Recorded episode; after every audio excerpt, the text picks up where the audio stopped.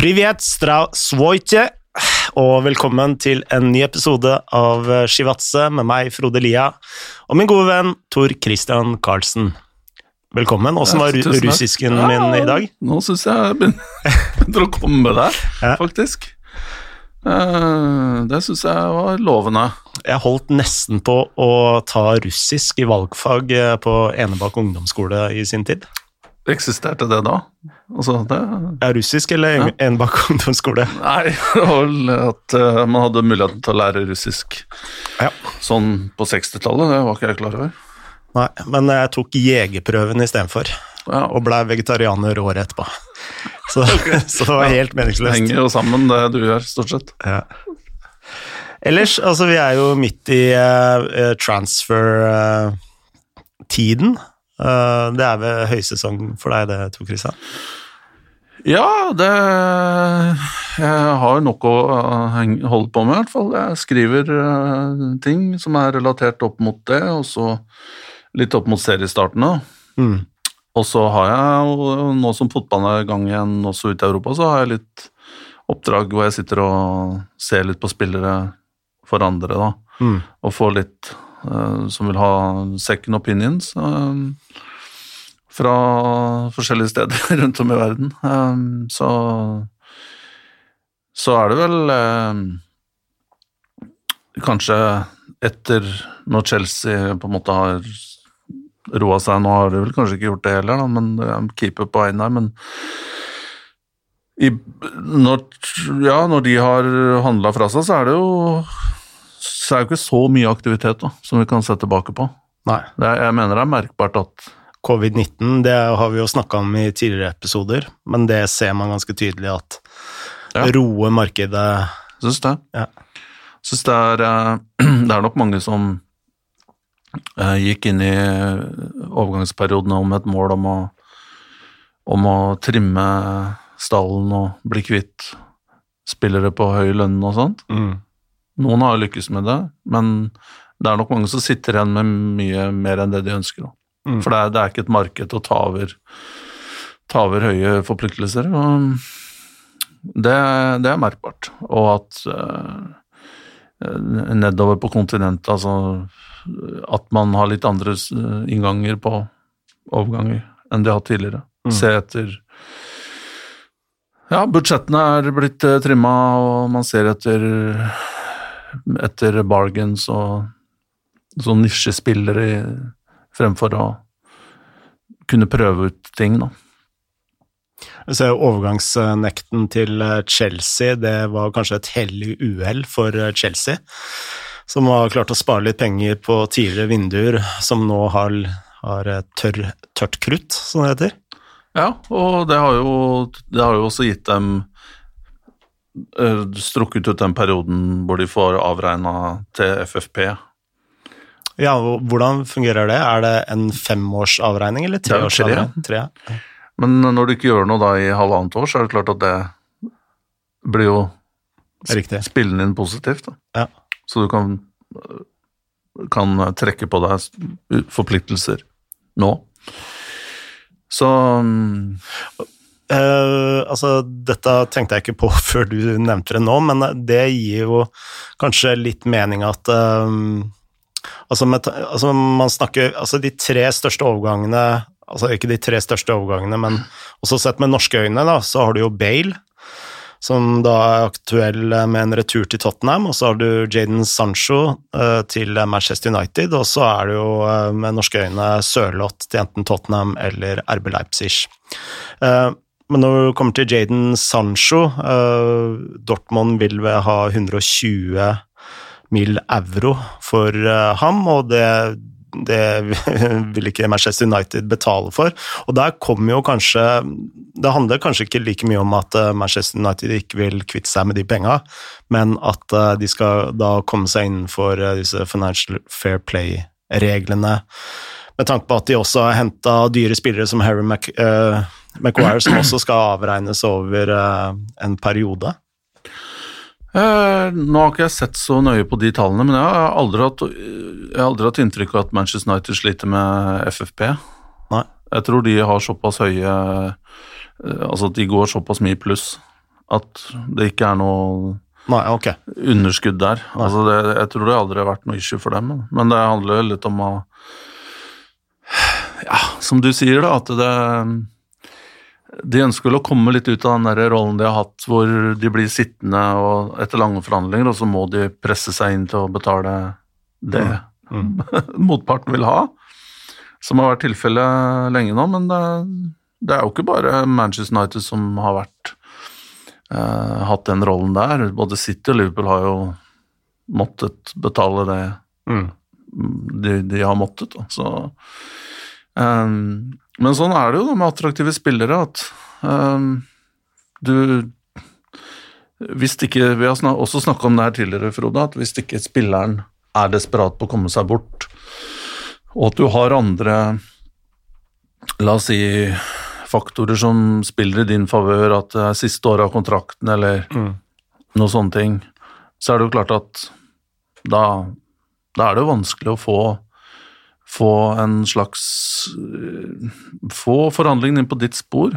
Mm. For det Sånn jeg har oppfatta det, så sitter Sancho greit i Dortmund et år til. og Mm. uh, Han hadde jo et knallår der i fjor og er på landslag og tjener bra og Mm. er kanskje den klubben i Europa som i hvert fall blant topp fem av de som er flinkest til å jobbe med spillere og utvikle dem. Så han kommer jo ikke til å lide noe nød ved å være der et år til. Nei. Så det er, det er klart det, Men vil du ha spilleren, så hvis de har fått forankra den prisen på 120 millioner, så ja, da ender man fort opp med å måtte Det er in ingenting som tilsier at eh, Dortmund kommer til å jenke seg der. Nei, jeg, jeg tror Manchester Men de Det kan jo være at Manchester United tenker at eh, ja, dette er eh, det, Nå må jo Dortmund begynne å kjenne litt konsekvensen av at de ikke får inn 85 000 la det er på hjemmekamp, og Mm. at ja, at de også skal vil ha et salg som det, som det som kan hjelpe dem. At de antar at covid-situasjonen har, har eh, ja, slår negativt ut for, for Dortmund, og at de hadde kanskje trodd at det skulle få dem litt mer med på å gli da, i disse forhandlingene, men eh, jeg vet ikke hvordan, eh, hvordan de gjør det. De har sikkert tilgang til finans, og, og, og, og det er så mye verdier i den spillertroppen. Og, Mm. og når, nå har vel også er Dortmund en av klubbene som har fått lov til å åpne for tilskuere altså i større antall nå. Jeg mener, Ja, jeg har det. ja, Så de kan få inn over 25 000-30 000 eller noe sånt. Jeg, kjenner ikke til antallet, men øh, altså det, i Bundesliga så kommer vi vel til å åpne opp nå gradvis øh, fremover. For de har jo såpass kontroll på Ja, det er jo de, det er jo de individuelle statene som bestemmer. Som avgjør det. Og noen har jo sagt at, ikke, at du får kun 200 og ta det derfra. Mm. Og andre har fått signaler om at de kan åpne mer, sånn som i Frankrike f.eks., hvor det sitter mange med munn, munnbind rundt. Um, men, eh, men, men Sancho, så Jeg tror fortsatt at det, at det her kan løse seg, uh, men uh, ja. De er jo fast bestemt på å hente inn en wing, og jeg ser at Douglas Costa og Pulisic også er linka hvis uh, Perisic. Perisic, mener jeg, Uh, mm. uh, som er linka hvis ikke Sancho går i orden. Og da er jo spørsmålet altså hvor mye bedre er Jane Sancho enn Douglas Costa? Mye Eh. bedre. Og kan man sette en pris på det? Men Douglas Costa er jo på en måte Og Perisic har jo ikke lykkes i Bayern. Inter Jeg tror ikke Conte ville ha han tilbake dit. Nei. Og Douglas Costa er jo liksom Når var han på toppa? i Bayern? da? Sånn tre-fire år, fem år siden. Jeg, jeg hadde ikke Da hadde jeg heller Hvis du hadde fått den på lån, så kunne du kanskje tenkt at ja, det er bedre enn å være short. Men jeg hadde ikke brent Jeg vet ikke hva de krever for disse 30 millioner euro eller 40, eller hva det skal være. Jeg, jeg ville ikke brent det på dem. Hvis det hadde gått utover muligheten til å hente Sancho senere, da, da hadde jeg heller venta til januar og testa da. og Hvis ikke, så får du han til neste sommer. Neste sommer, ja. Men For nå, Ja. nå ser du jo eh, avisene i England er jo fulle at eh, eh, altså Woodward og, og, Glazers kommer til å bli Solskjærs bane, har det vært overskrifter eh, på nå borte i England. Men altså, hvis du ser overgangsvinduene sånn sett med ett over de siste årene, og den perioden Solskjær har vært der, så har de jo henta spillere. Og de har henta gode spillere òg. ja, det er jo backa. Ja, Og de jobber sikkert intenst med å, med å løse dette her òg, men det er Media, det er liksom sånn Jeg, jeg ser jo på sosiale medier og sånn, så er liksom Supportere blir jo nesten ville over at man ikke lander en signering som på en måte har vært rykta, og så man kjenner ikke spilleren engang. Mm. Det, er liksom, du, du kan bare, det var vel en for noen år siden som bare konstruerte en sånn falsk spiller fra Østerrike eller hva det var, og supportere ble skikkelig gira. Ah, ja, ja. Jeg lurer på om han la ut en sånn eh, YouTube-video i Ikke tillegg. midtstopper fra Nordvestlandet. Nei da, det var ikke det den gangen her, men, eh, men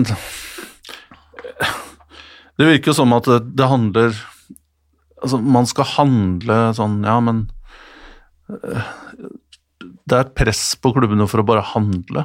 Mm.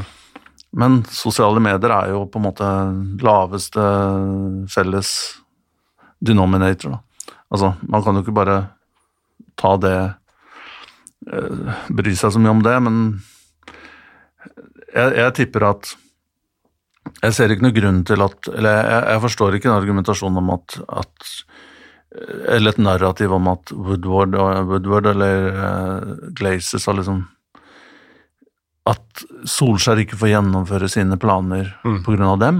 Og, at det, og han skal jo være evig takknemlig for at han fikk den sjansen av dem, Mm. og at de har backa han 100% Absolutt. så det syns jeg er tull, for å si det rett ut. Eh, En annen overgang som er skrevet mye om i det siste, det er jo Gareth Bale. Tilbake til Tottenham, og det skrives at eh, Tottenham eh, er villig til å ta på seg halve lønna hans. Altså det er eh, 300, 300 000 euro i uka. Altså, for han tjener 600 000 euro i uka i eh, Real Madrid, eh, og da og for den prisen så kan han bli i uglesett av Zidane eh, uke ut og uke inn. Um, Kan tåle mye for det, da. kan tåle mye for det. Og eh, Zidane og, og Bale har vel aldri likt hverandre. Altså, de er jo som hund og katt. Um, så Ja. ja. Jeg,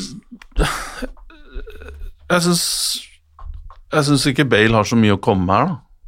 Zidane er inne i en slags uh, re, Hva er dette? Rejuven, rejuvenating. Altså, det er en alders generasjonsskifte, føler jeg, i Real Madrid. Han har fasa inn mange unge, spennende spillere, disse brasilianerne og Valverde og, Mm. uh, og, og flere andre, og, og vinner. Uh, vunnet uh, første gang på noen år, da. Barcelona har og så plutselig vunnet vinner igjen. Ja, og, og så sitter Bale der liksom Nei. Og den måten han har opptredd på da med disse påfunnene på sosiale medier og måten han Jeg syns det er Og jeg trodde egentlig vi hadde kommet litt forbi det punktet hvor man gir etter for sånne spillere. Mm. Og både Hvis jeg forstår det riktig, så har Manchester United eh, takka nei, og at ikke de eh, Jeg tipper de har gått dit først, Mm. eh, og at han heller spiller Manchester United enn Tottenham. Og jeg vet at han, eh, vet at han er Tottenham eh, Altså, han spilte der i mange, mange år, og, og sikkert har emosjonell eh, tilknytning, tilknytning til den klubben, men det første spillere tenker på, det er og agenter, det er penger. Og den klubben da, sånn i teorien, som kunne enklest eh, dekke de å si, forskjellene mellom lønn i Real Madrid og Mm. og, og, og kompensere den forskjellen. Og det engelskmenn kan være villige til å gi, det er jo Manchester United. Ja. Så det, jeg vil tippe at de gikk på han Agenten gikk på Manchester United først. Fikk nei. Jeg vil tro det. Og det, det syns jeg er fornuftig politikk. Jeg syns ikke Bale har gjort nok liksom, siste året, at månedene til å At man i det hele tatt liksom skal prøve prøv noe nytt. Mm. Prøv noen unge spillere, og hva, hva, hva, er det, hva er det Bale skal gjøre nå? Skal han skyte Tottenham inn i Champions League, liksom? Nei. Tottenham kommer ikke til å ende opp i Champions League i mine øyne. Det henger jo sammen med at uh, agenten også nå har vært ute i media og sagt at uh, Gareth Bale han elsker Tottenham. Ja, ja, han tenk, tenker tilbake på den tida med glede og, og spiller det spillet der, da. Ja, og supporterne skal ha med seg dem, og, og dette er jo politikk og spille på følelser og, og sånne ting.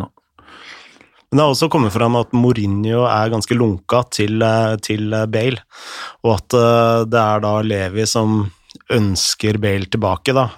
Det er det narrativet som blir solgt til pressen, iallfall. Ja, jeg, jeg skjønner meg ikke på at Mourinho skulle ønske å ta i han. Nei. Det Det rimer ikke for meg, men han tenker vel også sånn, ja, men hvis dette er alt jeg får, så kom igjen, da. Mm. For han skjønner at det blir ikke mye penger til eh, investeringer her. Nei, for det, det, det Mourinho først og fremst eh, vil ha, det er en backup-spiss til Harry Kane. Ja. Og der kommer Sørloth inn i, i bildet. Um, som også har vært linka til eh, RB Leipzig. Um, og der vil den nok mest sannsynlig være et soleklart nummer én. Ja. Uh, og da- da blir det jo spennende å se det. ja, det virker jo som at han er på vei dit. Ja. At det blir Leipzig. Og det Sørlotte Store forskjellen på Sørloth og Bale, det er jo Bale har jo stort sett bare valgt eh, lommeboka, eh, eller en paycheck. Sørloth har jo gjennom hele sin karriere vært veldig opptatt av sånn utvikling, i hvert fall utad.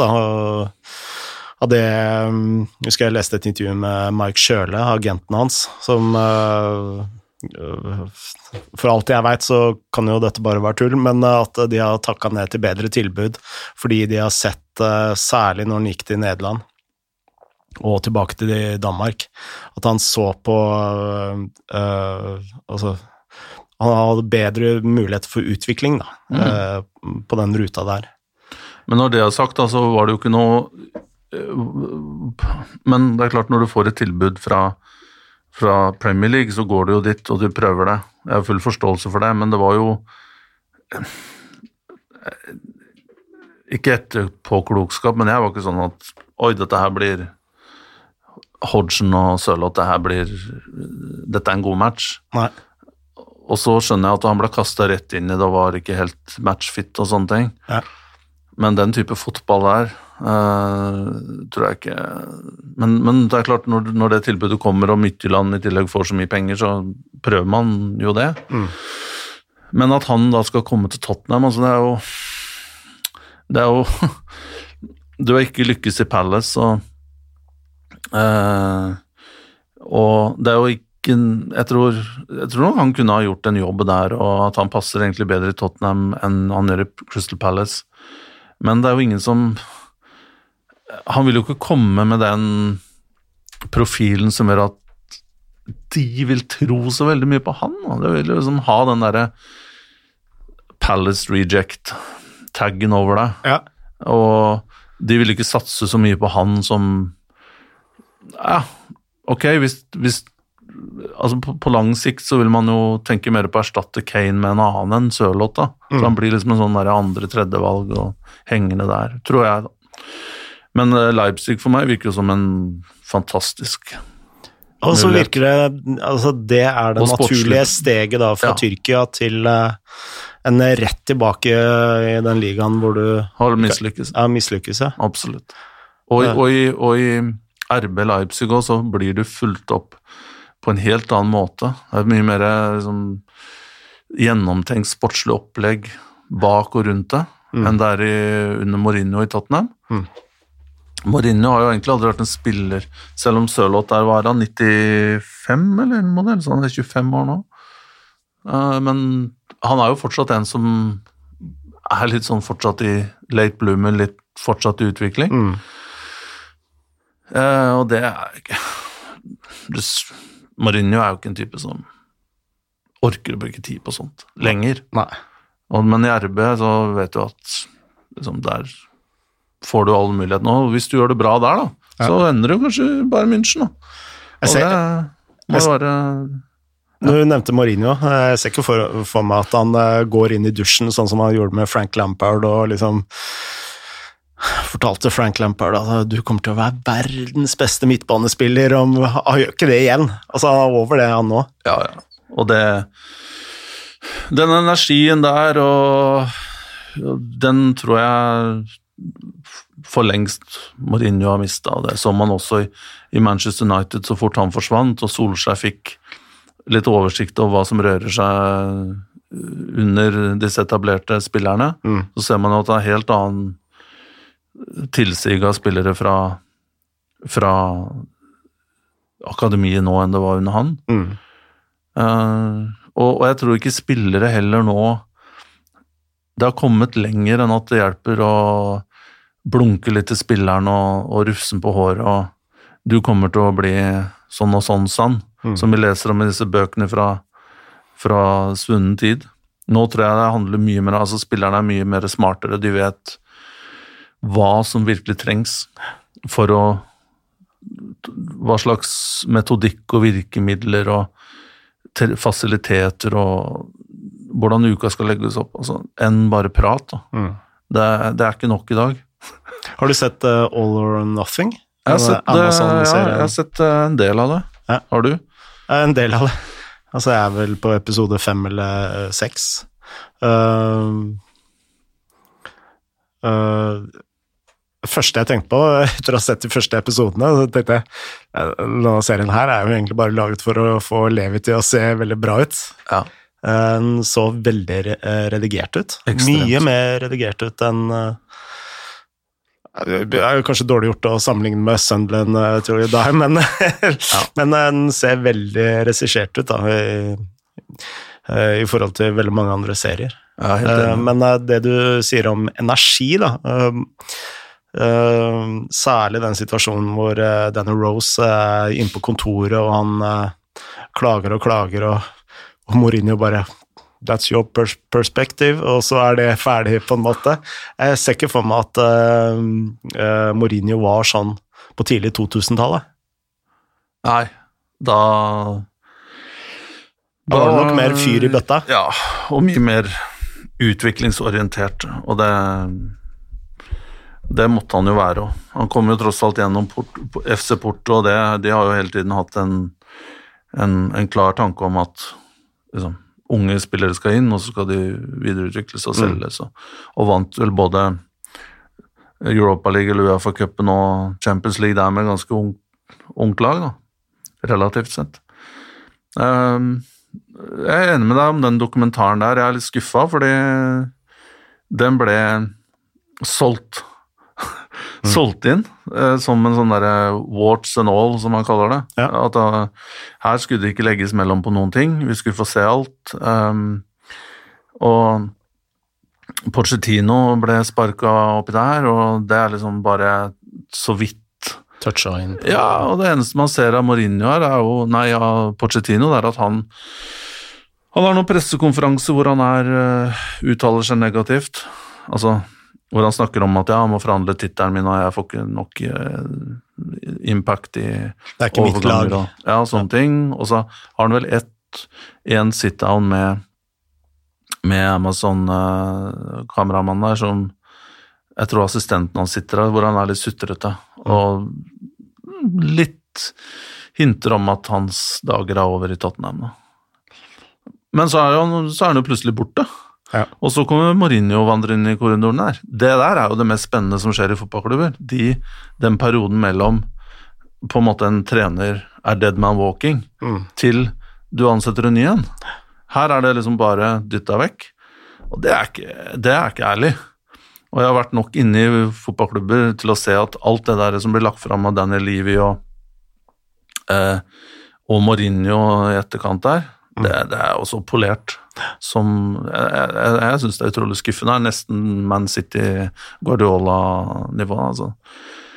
Men, og, det, og det er greit, hvis de hadde sagt at dette her er på en måte eh, en eh, et slags bilde av hvordan vi har det i Tottenham. og eh, Kom på innsiden av Spurs. Vi, er- dette er, vi har invitert inn Amazon og skal legge det fram. Men ikke selg det som at det er liksom alt blir lagt fram. Nei. Det er fullstendig bullshit. Um, kan jeg, før vi går over til noe annet, kan jeg bare spørre om eh, Og det er sikkert veldig mange som eh, eh, lurer på akkurat dette her, og du, altså du har jo sagt du nå jobber du for en del klubber og, og ser liksom Er det noen ekstra spennende prospects nå som ikke er sånn Premier League-nivå, men som kan liksom ende opp som du tenker er litt sånn der, kan ende opp i Premier League-nivå etter et stopp eller to eh, frem i tid nå? Eh, ja, det er det jo alltid.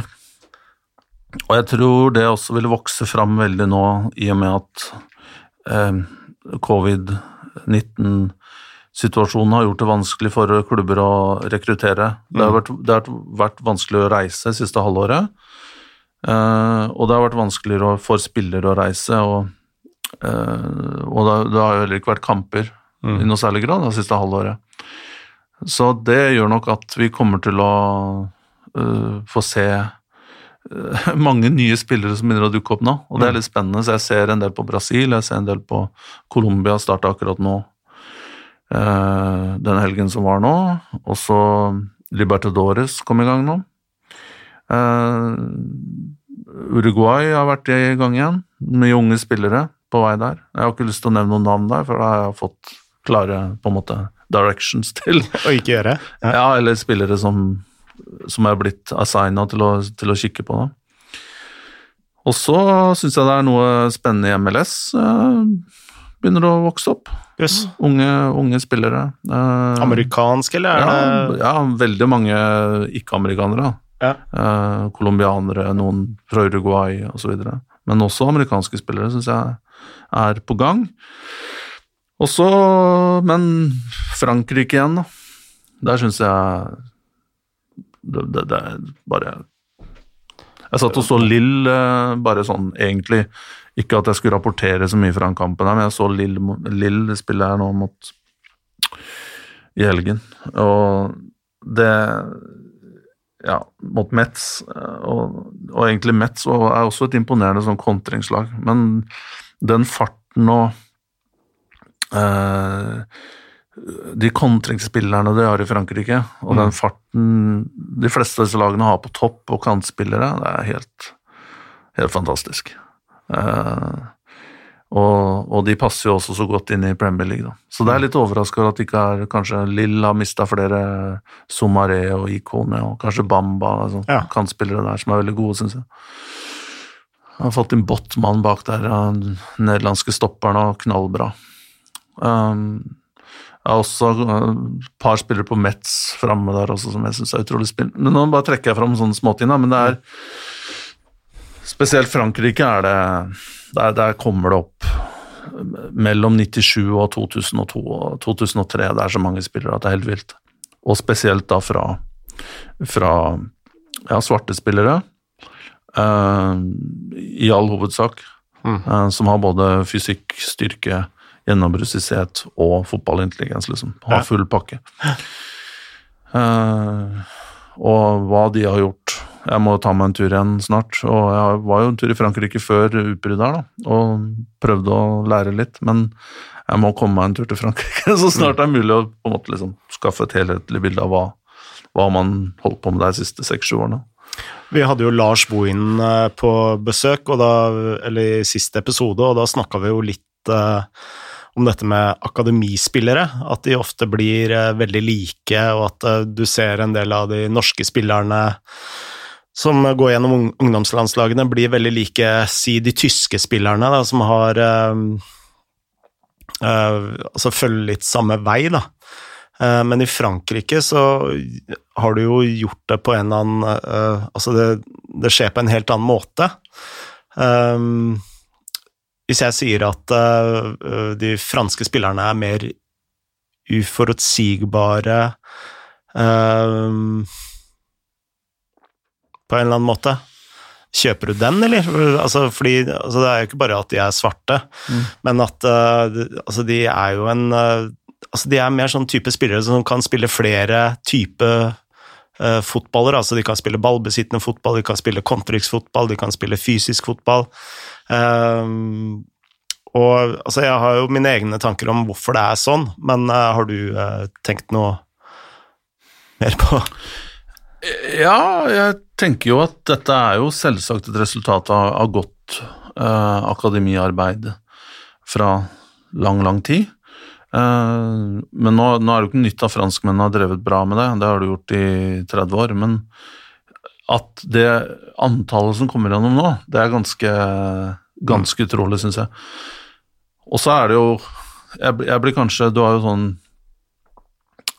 Litt de der uortodokse flair-spillerne som du snakka om. da Cherki der på Lyon, som er, er 0-3, tror jeg.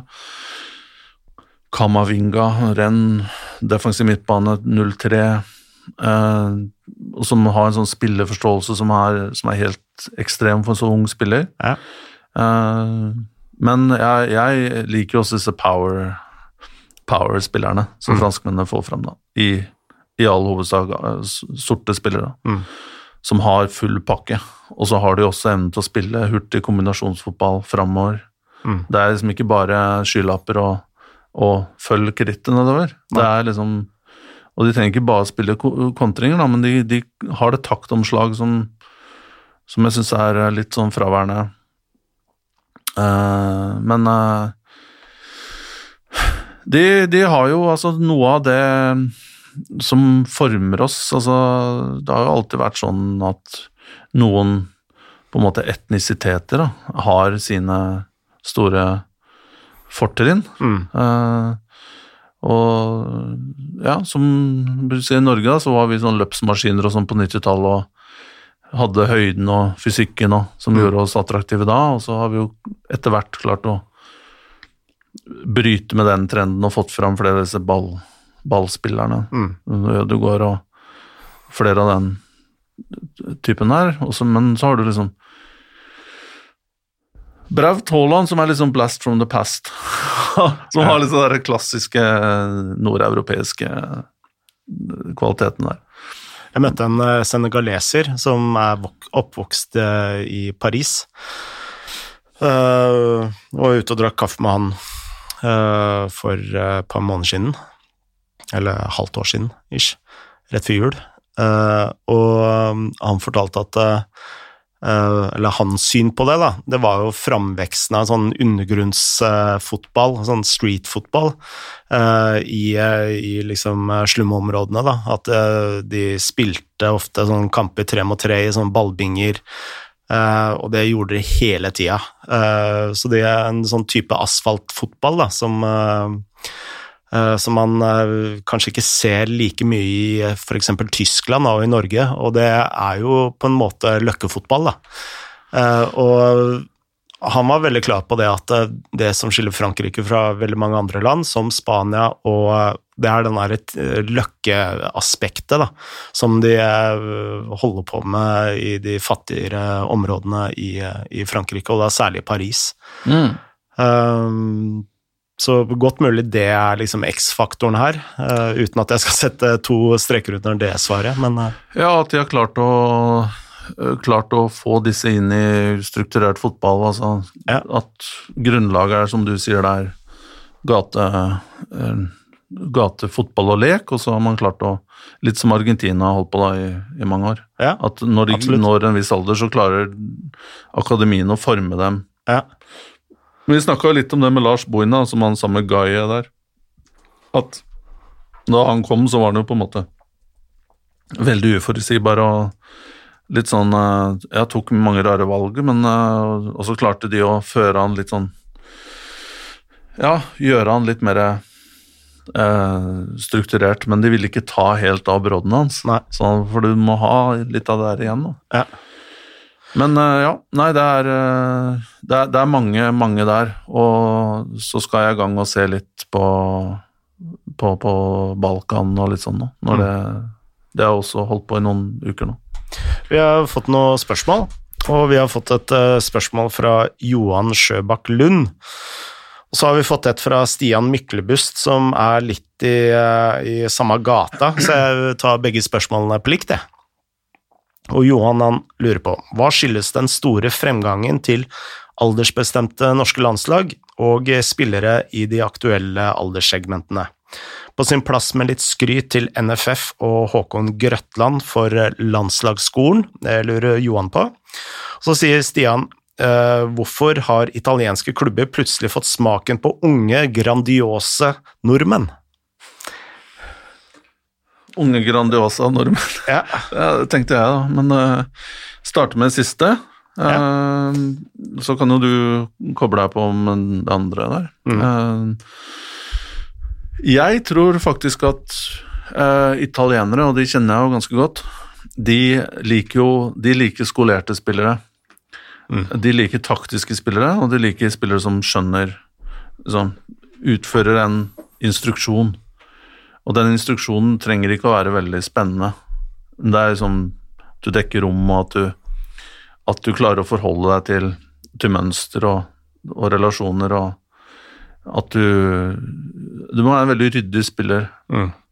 for å spille i Italia, og det er jo Askildsen og Thorsby som er veldig sånn Må kunne spille en kampplan.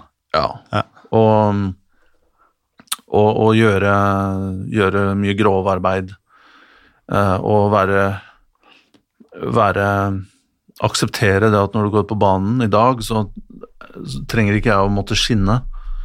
Liksom, men for treneren, i det tilfellet Claudio, da, som jeg kjenner godt, så er det å skinne og gjøre akkurat sånn som han sier. Ja. Um, og så får du sekser på børsen i Gazette dello Sport, og ikke 7,5, ikke sant, men det, det er bra, Mm. for da har du gjort Afatto Ilso og dovere, altså gjort det som han har blitt uh, Gjort det som han har blitt uh, fortalt å gjøre. Ja. Um, så der tror jeg disse norske uh, nye generasjons akademispillerne passer dem godt. Og så har du fysikken da i tillegg, Mm. som er meget, meget viktig for den type trenere som, som Ranieri. Ja. Eh, så den komboen der syns jeg er eh, altså logisk at de to, Askildsen, Thorsby Hanna Italia, og flere av de med eh, de som blir kobla dit nå, er jo litt av samme, samme typen. Tror du pris er Altså, pris er jo alltid noe å si, men norske spillere er jo ganske rimelige nå med tanke på eurokurs og Ja, Og statusen til norsk fotball har jo ligget brakk i mange år. Hvis italienere kommer så, og handler, så er det riktig pris. Mm. Eller det er i hvert fall ikke for dyrt. Nei. For de er eh, De kjenner en bargain. Og de har også nese for hva som er riktig pris. Mm. I langt større grad enn engelskmenn som liksom Vi har også snakka om før, men det er liksom, de har så mye penger å bruke at ja, Og du, du ser også på akademispillerne som går til England. Det virker som at de liksom bare kaster ut et nett, Mm. fanger opp noen som har blitt eh, promoterte agenter. Og hvis det ikke lykkes, så gjør det ikke noe fordi du vil melke utdanningskompensasjon og, øh, og sånne ting. Mm. Solidaritetspenger og sånn etterpå. Så de tar liksom bare et lodd da, og ser om dette her funker. Ja. Men jeg syns italienerne er mye mer Hvis de skal bruke en million eller to euro, så skal det være et gjennomtenkt øh, Gjennomtenkt eh, opplegg. Mm. Eh, Men Johan eh, lurer på eh, Skyldes det fremgangen eh, NFF, eh, landslagsskolen eh, Håkon Grøtland har jo svart faktisk på den tweeten at dette er jo mer sammensatt, og det er jo mer sammensatt. Eh, Men eh, altså det er jo en kjensgjerning at eh, vi har jo hatt mange endringer i norsk fotball, også med tanke på spillerutvikling og og hvordan klubbene i Norge driver akademi, og så har du jo sånne tiltak som landslagsskolen oppå det igjen. Så det er jo mange ting som har fått lov til å virke, nå låner jeg Håkon sine ord her, har fått lov til å virke over tid, og det er jo et godt poeng. Um, men ett aspekt her, da, når vi tenker på dette med akademier, og altså de som skal ha mye av takka her, det er jo foreldre som faktisk eh, betaler store summer i året for å ha barna sine i akademier.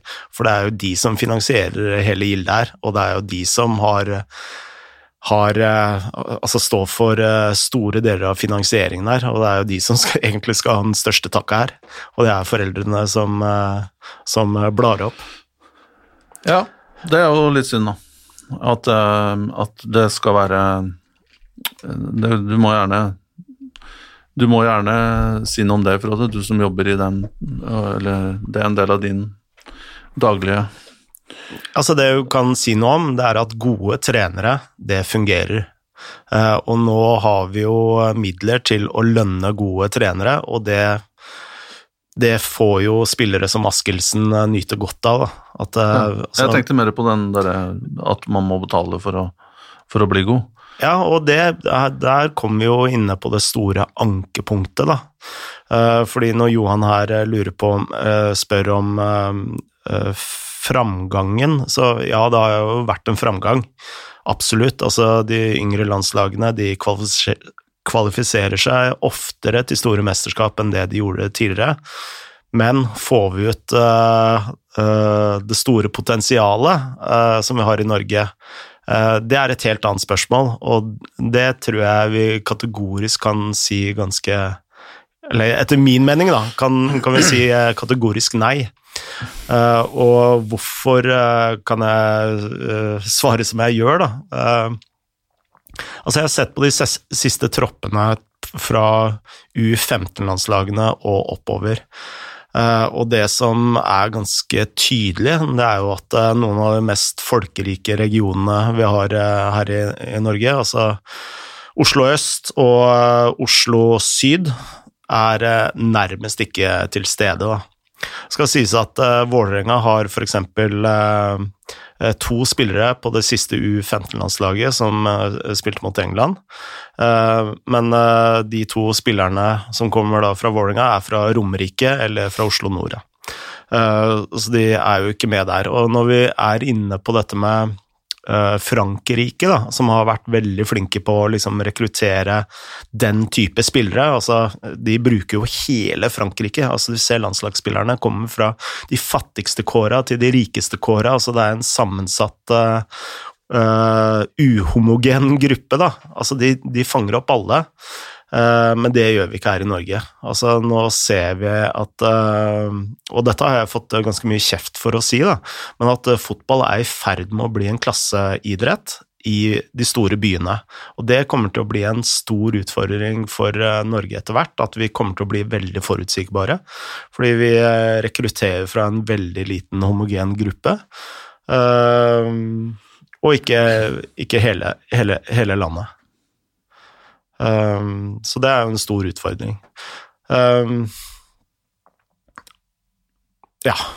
Ja, nei, det er interessant å, å høre. Jeg, jeg, kan ikke så mye om det her. Eh, bortsett fra at jeg resonnerer som du starta, så er jeg enig med deg at dette er jo mange som er med og påvirker eh, framtiden til en spiller. Og jeg vil jo starte med klubbene og, og foreldrene, som du sier, selvsagt. Mm. Men eh, og nå snakker jeg om guttefotball, jeg kjenner ikke eh, realiteten i, i, i jentefotball, så det kan jeg ikke uttale meg om. Men eh, jeg føler jo at akademiklassifiseringen er positiv, mener jeg. Jeg synes den er, i hvert fall, jeg har fått inntrykk av at den har hevet standardene på, på øh, hvordan man jobber og øh, sånt i, i, i, klubbene. På eliteserienivå, da. Mm. Og Obos. Uh, og så syns jeg at um, Og så, så, vet ikke jeg altså det er, jo, det er jo klubbene som har uh, det daglige med spillerne å gjøre, og er på en måte uh, Har dem 85-90% av tiden. Så det er jo klart at det er jo der det store ansvaret for å forme dem uh, til de spillerne man ønsker, ligger. Og så syns jeg jo NTF gjør en god jobb. Jeg prata litt med de som holder på der, med, med akademiklassifiseringen. Og det, det, jeg syns det er mye fornuftige tanker der, og, og måten de støtter opp klubbene på um, rundt talentarbeid og stiller mange ressurser uh, og viten mm. til disposisjon, og det syns jeg er veldig bra. Og så er jeg også enig med deg at det er, um, det er en bølge nå av unge trenere uh, på vei oppover. Uh, fra holdt på å si 20-årene, mm. og som virkelig er tenkere. Som er tenkere som uh, har uh, utrolig mye kunnskap, uh, men er også sånn utrolig lidenskapelig hvordan de jobber Hvordan de ja, i sin tilnærming til treneryrket og har ambisjoner og har studert de beste i Europa og på en måte legger igjen mange timer her. Mm. Og kanskje også kommer fra en generasjon som er muligens mer vant til å både omgås og håndtere spillere fra flerkulturelle miljøer og bakgrunn, ja. enn det på en måte uh, disse uh,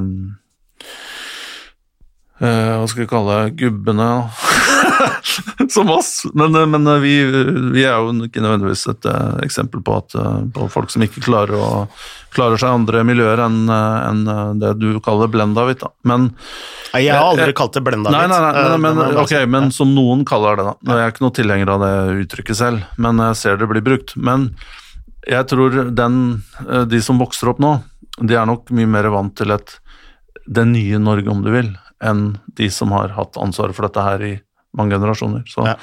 jeg håper at det også kan bli gjenspeilet da i, i de type spillerne som, som ja. kommer opp etter hvert. Jeg skjønner. Uh, jeg er helt enig i at uh, altså, det at man har uh, ført flere ressurser inn i akademiene, og da særlig gjennom akademiklassifiseringen, har jo gjort at flere talentfulle trenere får jobb tidlig og ja. begynner å jobbe med tolvåringer og oppover. Og, og jeg må, er helt enig med deg. Altså, noen av de trenerne jeg har møtt opp igjennom, er jo ikke de trenerne jeg har møtt som har, spilt, som har trent lag i Eliteserien. Um, det er jo gjerne ungdomstreneren til Vålerenga, uh, og på helt andre nivåer. Uh, Erik Kjøne, som mm. vi har snakka mye om. Uh, tenkende ja. uh, sånn, på et helt annet nivå enn de jeg møter på liksom, det høyeste nivået i Norge. Og disse begynte jo all Altså, de klarte å bli trenere fordi det ble satt ressurser til veie, da. og så det har jo skjedd veldig mye bra gjennom NTF, hvis man ser på topp, toppnivået, da. Men men litt av utfordringen, da, det er jo liksom å, å få med seg eh, hele geografiske områder. Og jeg, jeg, kan jo egentlig bare vise hvor Eller gi, et innblikk i hvor det går galt, da, veldig tidlig. Og det er hvis du eh, si er eh, åtte år, da, i, eh, og er fra Tøyen, og skal begynne å spille fotball på noen av de nærmeste klubbene du sogner til, eh, så må foreldrene dine betale fra 4000 kroner og oppover. Eh, med treningsavgift, eh, utstyr, medlemskap. Allerede der har du ekskludert store deler av bydel Gamle Oslo, for eksempel, og Groruddalen for den saks skyld. Mest folkerike regionen i landet, hvor uh, du allerede har prisa deg ut uh, for en syvåring, åtteåring, niåring. Um, jeg vil tippe altså i klassen til min sønn, da, som går på Gamlebyen skole, så tror jeg kun halvparten av gutta kunne hatt råd til å starte å spille fotball. og hvis du har råd til å spille fotball i en klubb, så er det jo kanskje de Eh, lavterskelklubbene, som da ikke har utdanna trenere, som har et mye dårligere opplegg.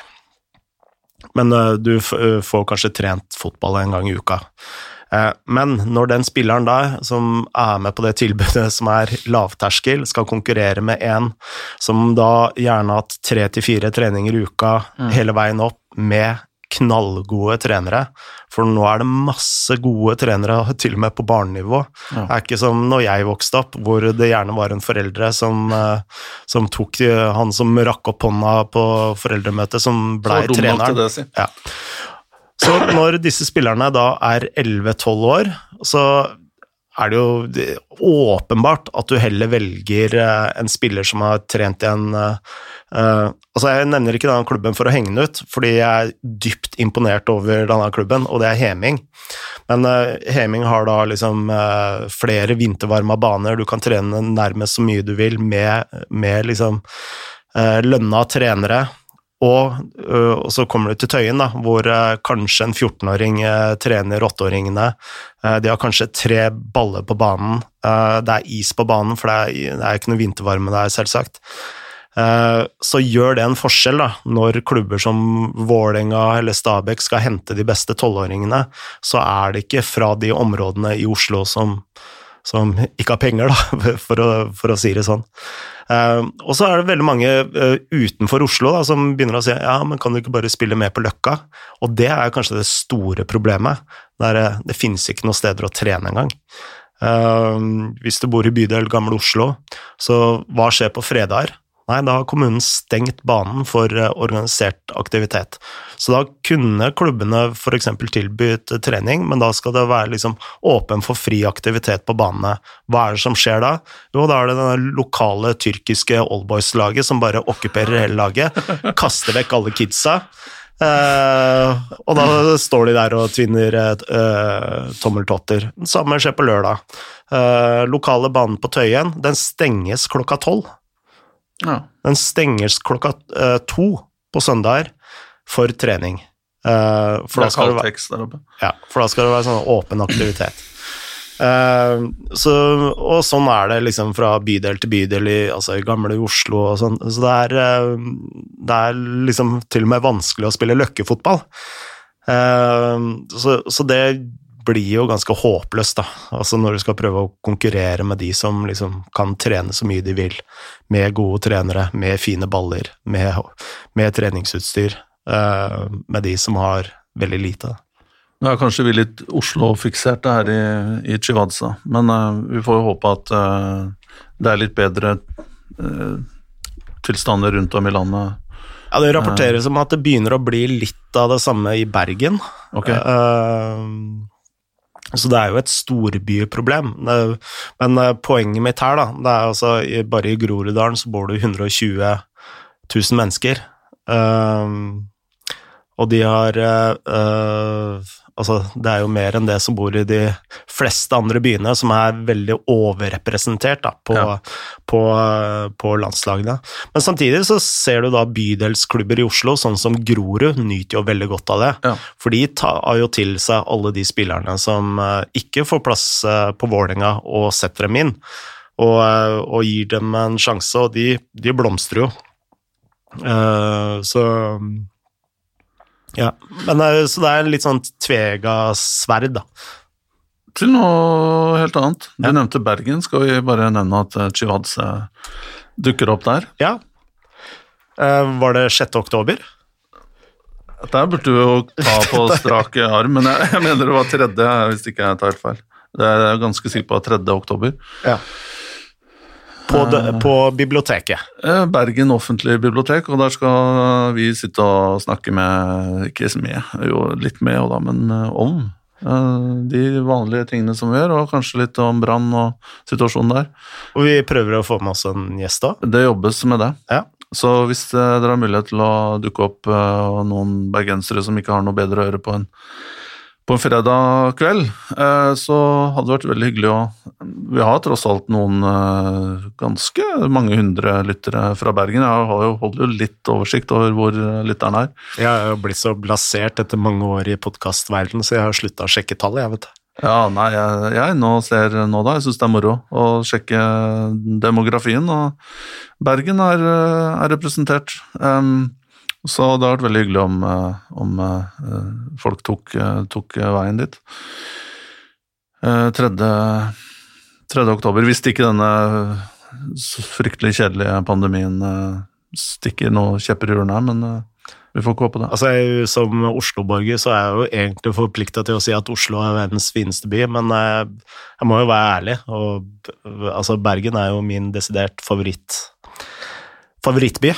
Oi, her Ved siden av Tromsø. flørting til Ja, det er, ja men det er Ja, Tromsø er fantastisk, skal sies. Tromsø og Bergen. Ja. Eh, jeg har fått et eh, annet spørsmål av eh, Johan Sjøbakk Lund, som eh, Eh, Igjen? igjen. Men jeg syns det var så interessant, fordi vi har snakka så veldig mye om det, og han spør i kjølvannet av kritikken mot eh, mangel på sportslig kompetanse i styret i norske fotballklubber, hvordan bør, en, bør et styre i en klubb være satt sammen, spør han. Ja, For å bare nevne at Johan er eh, ivrig Levanger-mann, tror jeg. Okay, Som ja. er aktiv på Twitter og poster mye, mye, mye nyttig informasjon, spesielt om aldersbestemte spillere. Jeg vet ikke om du har lyst til å åpne der, ja, men du er, det er jo du som tidligere har uttalt deg om gravemaskinkjørere fra Bjørkelangen, og du coina den eh, det sitatet der. Det sitatet, ja, det var et stolt, uh, stolt øyeblikk, eh, må jeg si. Det var ironi, hvis ingen skjønte det. Jeg skjønte det ikke, jeg trodde du var stolt av det sitatet. nei, jeg er absolutt ikke stolt av det, men Men du refererer jo selv til det med jevne me- mellomrom. ja, ja, men jeg, ja, jeg gjør jo det. Men Men ok. For det er jo litt morsomt òg, men, ja. Ja, men jeg har ikke lyst til å være sånn sleivete, og da var jeg sleivete. Ja. det- Du har en pass som er litt punkete og sleivete. Ja. Eh, jo eh, Hvordan eh, bør et styre være satt sammen, da?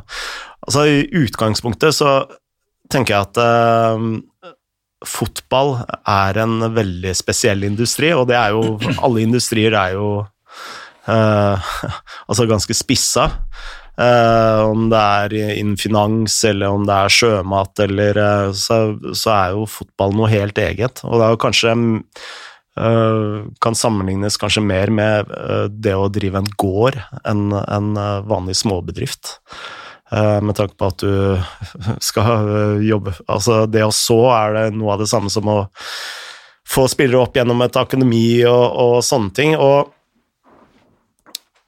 så hvis tesen om at uh, fotballindustrien er en veldig sånn egen industri, så eh, er det jo naturlig at du også har mennesker som har uh, Altså, du har overvekt av kompetanse på det industriområdet i en fotballklubb.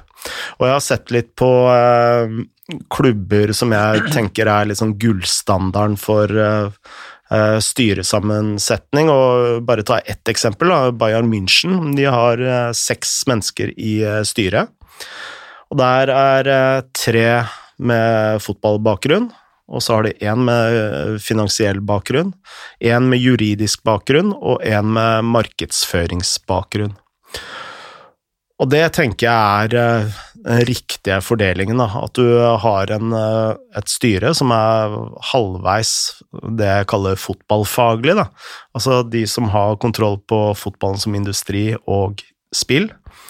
Og så er du jo avhengig av eh, økonomisk eh, kompetanse og juridisk kompetanse. Og så er en Eh, enkelte klubber som eh, kanskje trenger politisk kompetanse. altså Det spørs jo litt på hvordan eh, en klubb som Vålerenga da, er kanskje ikke, i og med at det er eid eh, nærmest av én person, er kanskje ikke like avhengig av den politiske kompetansen i styret som f.eks. en klubb som eh, Rosenborg, som er medlemsstyrt. da.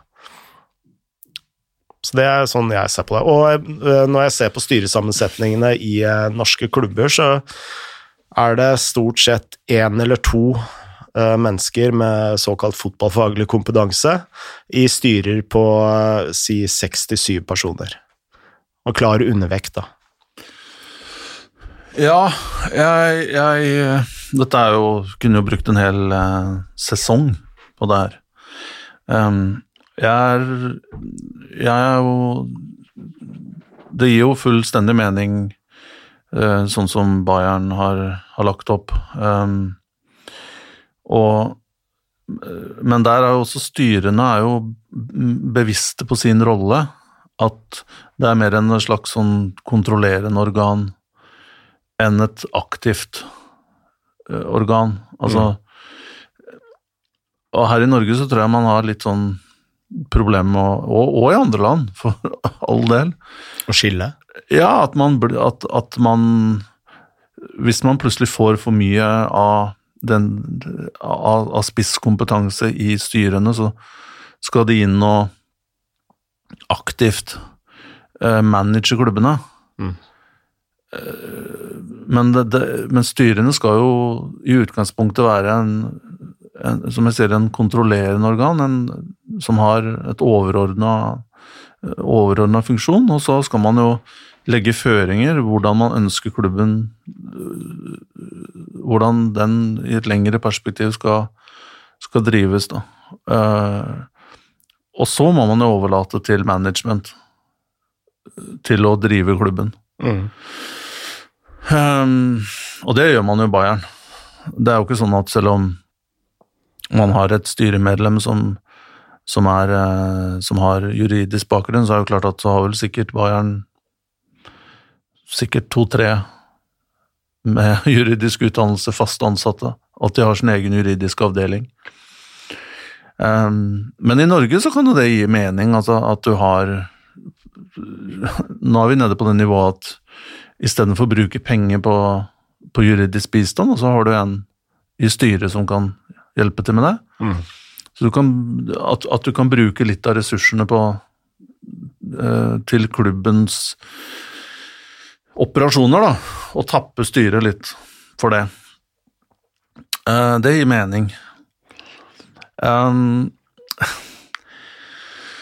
fotballfaglig kompetanse, det, det, det, det, er så og igjen Man får så, jo litt vond smak i munnen når, når vi sier det, da. Ja, men, men, men mye av det her, og så skal man også huske på at både i Torino og i, i, eh, i, i Tyskland, i Bayern-området der, eller over hele landet for så vidt, så har du jo langt mer folk å plukke av mye høyere kvalitet på kompetansen. Og eh, de er nok mye mer vant til å forstå hvordan de skal eh, opptre i sine roller enn, en, hva ville vært tilfellet her i Norge. Så styret blir ikke en sånn slags eh, beist som lever av seg sjøl, og kan motarbeide management. Det er det verste som, som finnes. Og Det ser du eksempler på her i Norge òg, hele tiden. Hvor det er styreformann eh, er ute liksom og prater om retningen til klubben og vi skal gjøre ditt og vi skal gjøre datt, og man legger fram uh, analyser og rapporter og sånn. det ser man jo ikke andre steder. For det, det må jo management. Men Handler det om forståelsen av rolle til styret? Vi hadde jo Lars Bohin her i forrige episode, som snakka jo veldig mye om det. At, sånn jeg forsto han, da. At han snakka til døve ører til ledelse og styre. om alt fra spillelogistikk til forventninger. Og, så og det er jo kanskje vanskelig for Altså, hvis man ikke har liksom vært en del av toppfotballen, da, og liksom forstå de mekanismene altså jeg vet, Nå bare kaster jeg ut noe her.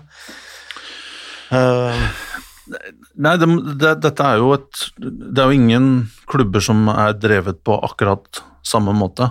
Nei. Og uh, måten management Og med management så tenker jeg på daglig leder, sportslig leder, for så vidt og hovedtrener, da, som Lars representerer.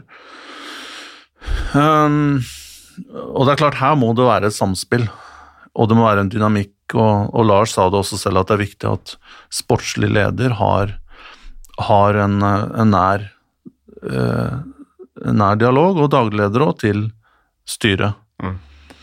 Um, det verste jeg ser, det er jo at Og det har jeg sett her i Norge. Um, vi har kommet med eksempler her i i podkasten, på styreformenn. Uh, det er menn, stort sett, som uttaler seg om fotball. Og uttaler seg om spillelogistikk, uttaler seg om eh, eh, strategi, på en måte. Det er det. Det er det management. Det er det sportslig leder, dagleder, finale. Mm. Du, du, og du kan ikke ha Det også blir en uting at uh, hovedtrener må inn og snakke med styret og styreleder og sånne ting. Der må, der må, der må sports, le, sportsleder, hvis han har de mandatene og den posisjonen i klubben som han skal ha, så er han skal være mellomleddet der. Ja, det, at det hierarkiet er veldig viktig. Og da er vi litt sånn inne på hvorfor jeg syns det er så viktig med den type kompetanse i et styre. Da. For jeg tror øh, mennesker som har vært en del av toppfotballen i veldig mange år, de har en veldig klar forståelse av det hierarkiet. Ja. Uh, og jeg opplever at uh, Eller jeg har jo ikke noe belegg for å si det, da, men at det er litt av suksessfaktoren til, til, uh, til Bayern München. Da. At du Rummenigge, som har vært en del av det- dette i alle år, han veit at han kommenterer ikke laguttak, han kommenterer ikke taktikk. Men Hønes gjør det nå, da, skal Ja, sies. Men ja, han har jo for så vidt Jo, eh, eh, det er klart Jeg husker jo også Bayern München ble omtalt som FC Hollywood. Sånn på begynnelsen av 2000-tallet hvor de ikke vant ting, og det var liksom Effenberg og Mario Basler og eh, Og da var jo både Rummenigge og, Hønes og Beckenbauer til og med, var jo i den klubben. Og det var jo ikke noe mønsterbruk i det hele tatt. Men det er klart, etter hvert som man får resultater på banen og lærer av feil òg, da, så blir jo blir det jo roligere på Da blir det roligere i strukturen, og det blir roligere på styremøtene. Problemet Problemene oppstår når det går dårlig, og sånn er det med alt. Og, og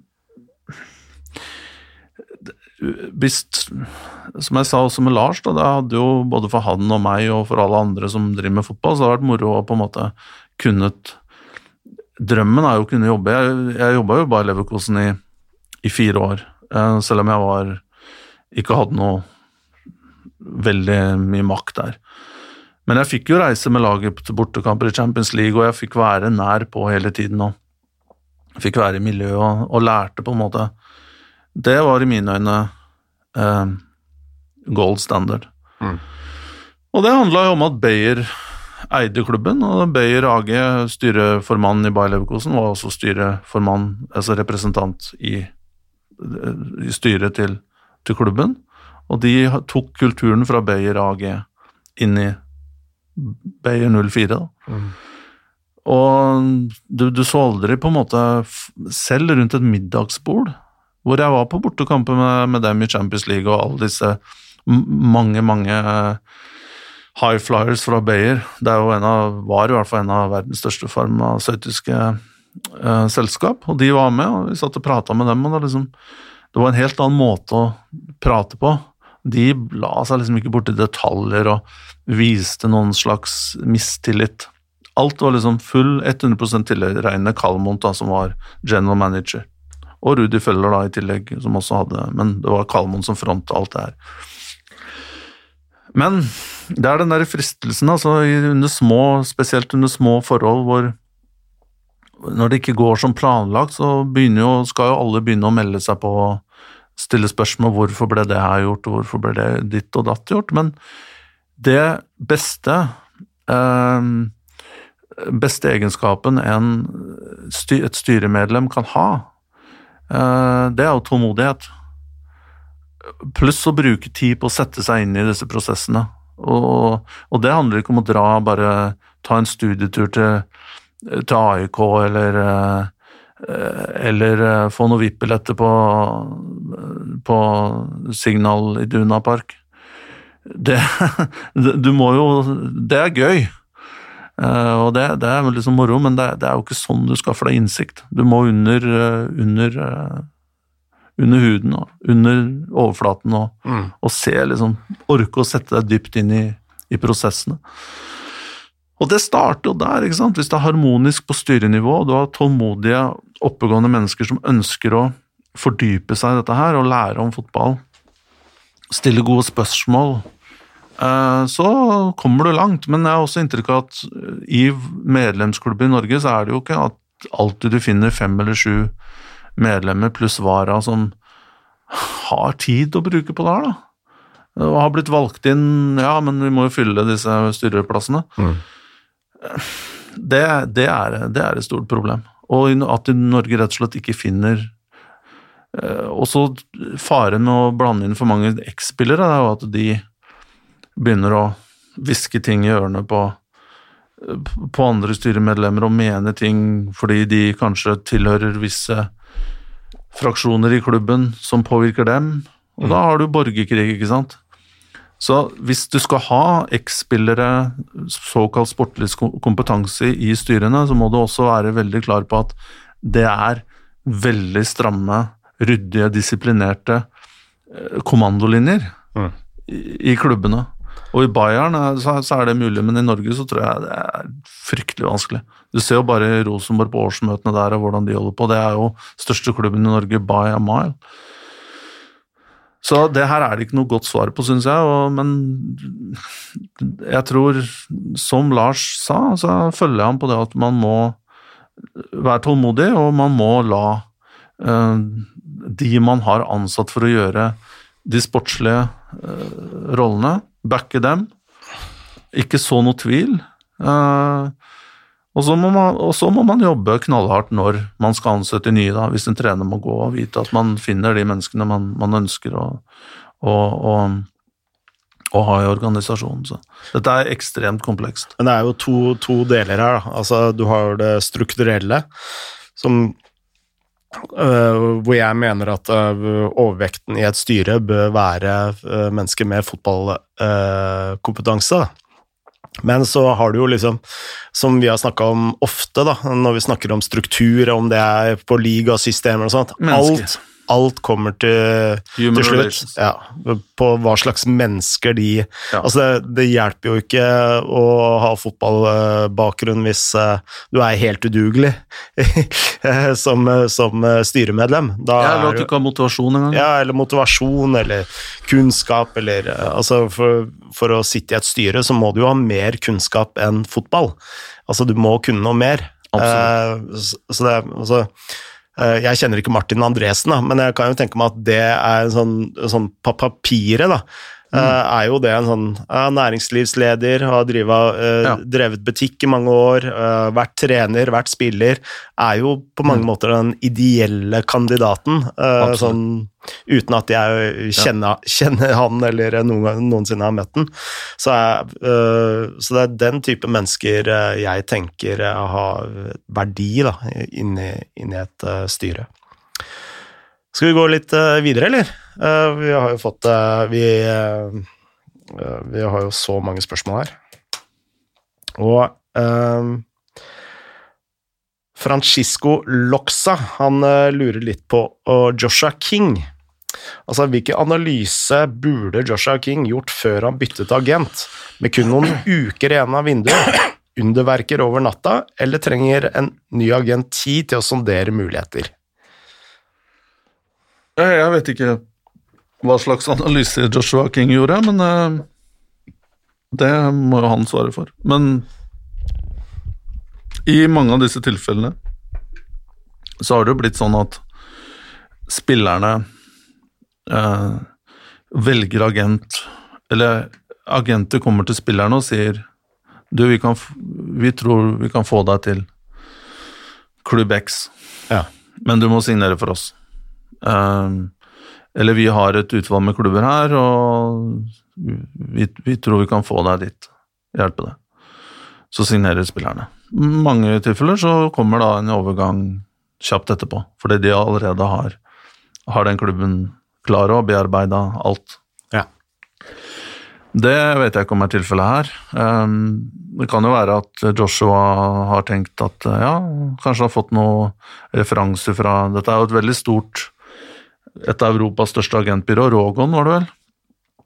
Uh, et av de største i Tyskland, og de har i hvert fall uh, inngang uh, i, alle tyske klubber, og, og, og mye utover det.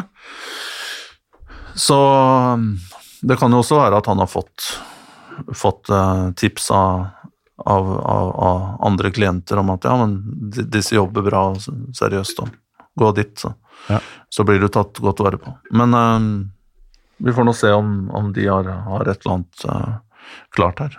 Det er vel ikke mange dagene siden han uh, switcha. Nei, for han switcha fra Jim Solbakken til dette tyske uh, agentbyrået, ikke sant? Nei, jeg, tror, jeg trodde han var med den engelske agentselskapet. Trodde jeg, da. Ja, jeg tror han først gikk fra broren til Welbeck til Jim Solbakken, og nå fra Jim Solbakken til et uh, tysk uh, selskap. Ok, det skal ikke jeg kommentere. Eh, Bjørn Rudsagen, han har et spørsmål. Det er en kjenning. Gjør Leeds som Norwich, eller kan de etablere seg i PL? Og det kan jeg egentlig bare svare på. Altså, Leeds kommer til å vinne Premier League før eller seinere med Marcelo Bielsa. Mest sannsynlig i år. Vi drar Så litt på nå, nå har jeg sagt det. Nå har jeg sagt det. Mest sannsynlig i år. Det var fort. Ja. Da I hvert fall, i hvert fall underholdningstabellen. For den eh, Tapper de allerede. ja, Liverpool-Leeds-kampen er ved årets kamp allerede. Jeg, virker jo litt mer solid, eh, eh, og at de har litt større ressurser i, i, i Leeds enn det Norwich hadde, og, og Bielsa Bielsa. og Kommer jo til å bli en plage å spille mot, og slo bra fra seg mot, mot Liverpool. Så Jeg tror eh, hadde Leeds eh, fått en litt mer effektiv eh, spiss enn Bamford, så kunne det sett veldig, veldig bra ut. jeg har fått inn Rodrigo, da, men han har vel kanskje tenkt mer en sånn kant. Ja, se, ja, og lage straffemann. Det var vel kanskje ikke scriptet, men eh, Jeg har vel Leeds, uten at jeg har noe sånn solid analyse på det, så har jeg vel Leeds sånn med sted mellom 10 og 14 ish. ja. Det er jo der det mest sannsynlig kommer til å Jeg ser ikke at de går liksom på en På Norwich-skallen, nei. Nei. Vi rekker noen eh, spørsmål til, eh, Tor Christian. Det gjør vi. Ja. Arild Mørk han har et spørsmål til din favorittliga for øvrig. Italiensk fotball virker å bli mer og mer populært blant de pengesterke som ønsker å eie en fotballklubb. Sist Parma. Er det sportsvasking, eller kan vi se en eh, oppblomstring av nye italienske storheter som følge av dette? Årsak-virkning. Jeg trodde du skulle si skal vi se en ny oppblåsning av italienske budsjetter på profitten der. Det er jo mye omtalt. Eh, jeg har ingen det Parma er vel amerikanere som er eh, i ferd med å ta over den klubben. Ja. Uh, og det blir vel av fjerde amerikanske eier, eierne i, i Serie A. Jeg har ikke noe inntrykk av at det, selv om Selv om eh, det, ja, Nå skal jeg ikke si det jeg tenkte, men jeg, jeg, har noe, jeg har ikke noe grunn til å tro at det er ikke legit prosjekt. Nei. Brukte jeg ordet prosjekt igjen? Det skal jeg ikke gjøre, men det, Men jeg, mitt inntrykk er at det handler om Det er jo veldig mange amerikanere som eh, nord, Nordamerikanere som er eh, snuser på klubber i Europa nå. Um, jeg kjenner annet en tidligere kollega av meg, han driver sitt eget, eh, la oss kalle det butikkbyrå, hvor han um, Han har masse kontakter, blant annet Wall Street og uh, ja, i finans. Mm. Uh, og han uh, er en slags broker, da, mellom amerikanske potensielle investorer og europeiske klubber, og han sier til meg at han, eh, at han er busy. Eh, og det er en eh, idé om at eh, italienske klubber er underpriset. Mm. At det er veldig stor oppside på, eh, på å effektivisere klubbene. Mm. Det vil si på mark marked, marked eh, pluss stadion, potensielle stadionprosjekt eh, og sånne ting. Eh, samtidig som lønnsnivået i Serie A begynner å bli, bortsett fra Juventus, som for så vidt driver, så vidt jeg vet, liksom, driver en god butikk, da. Mm. Uh, men uh, um, disse mellomstore uh, italienske klubbene, typ Parma og Samp, min klubb, da, har også blitt kobla til amerikansk private equity, som, som er nysgjerrig på Og at de klubbene har veldig stor oppside, spesielt på, på media og marked. Og det er vel også et amerikansk selskap, tror jeg, som er Jeg tror det er amerikansk, som nå eh, Italienske ligaen ga grønt lys i forrige uke på at eh, eksterne investorer kan kjøpe altså, en del av det selskapet som er ligaen, Mm. av Serie A. Eh, og det er vel et Jeg tror det er amerikansk selskap som har kjøpt en prosentandel der nå. Yes. I hvert fall er i, i, i, i eh, avsluttende forhandlinger, da. Mm. Som da vil gi en stor cashboost til, eh, til klubbene. Fordi øh, altså hvis vi ser sånn ligamessig, så er det jo ikke så mange ligaer som egentlig er aktuelle. Altså hvis du vil øh, gjøre et øh, sånn fornuftig kjøp, da. Fordi eh, Bundesliga er jo ekskludert pga. 50 pluss 1-regelen. Uh, Premier League uh, er jo Altså, det, er, det koster jo stratosfæren omtrent. Det samme kan man jo egentlig si om championship. Absolutt. Uh, fordi den oppsida der er jo prisa inn, Ja. og litt til. Ja visst. Eh, og så da gjenstår man jo egentlig med Spania og uh, Italia, men uh, spansk fotball er jo også vanskeligere med, på, med tanke på at veldig mange er jo medlemsstyrt. Ikke så mange lenger. Nei. Det er vel bare i de to store der, og så noen få andre. Men de fleste er jo privateide også i Spania. Ja. Og der ser man jo også amerikanere og kinesere og, og eier jo klubber, både i øverste og nest øverste. Um, og Ronaldo er jo, var jo the lead, blant annet. Eller folk rundt han, brasilianere og sånn. Ja. Men, øh, og noe annet da, er jo Frankrike. Ja. Og der har du jo øh, igjen De, de åpna jo for privat eierskap for 15-17 år siden, og der er jo nesten alle klubbene tatt. Uh, fordi eh, de har jo så fantastiske akademier, og eh, jeg kjenner jo også ikke bare den klubben jeg har vært ansatt i, men jeg kjenner jo også andre som jeg har besøkt, hvor, hvor eierne sier at hvor fantastisk det er å investere i Frankrike, fordi klubbene driver i pluss. De må det. Og det har en kultur for å gjøre det. Det har gjort det i mange mange år. For det, hvis ikke så får de ikke eh, tillatelse til å Altså, de får ikke lisens. Og det er DNCG, den kommisjonen som holder øye med, med budsjettene til klubbene, at det følges, de er knallharde. Og du må presentere deg foran dem et par ganger i året for å vise at du er uh, on, uh, on point da, med, med projeksjonene og budsjettene. Mm.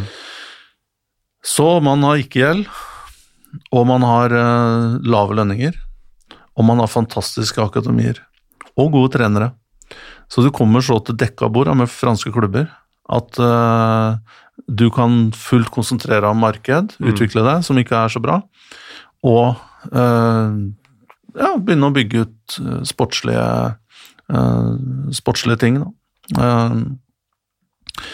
Et marked som vi ikke har snakka så mye om, det er jo Tyrkia. Ja.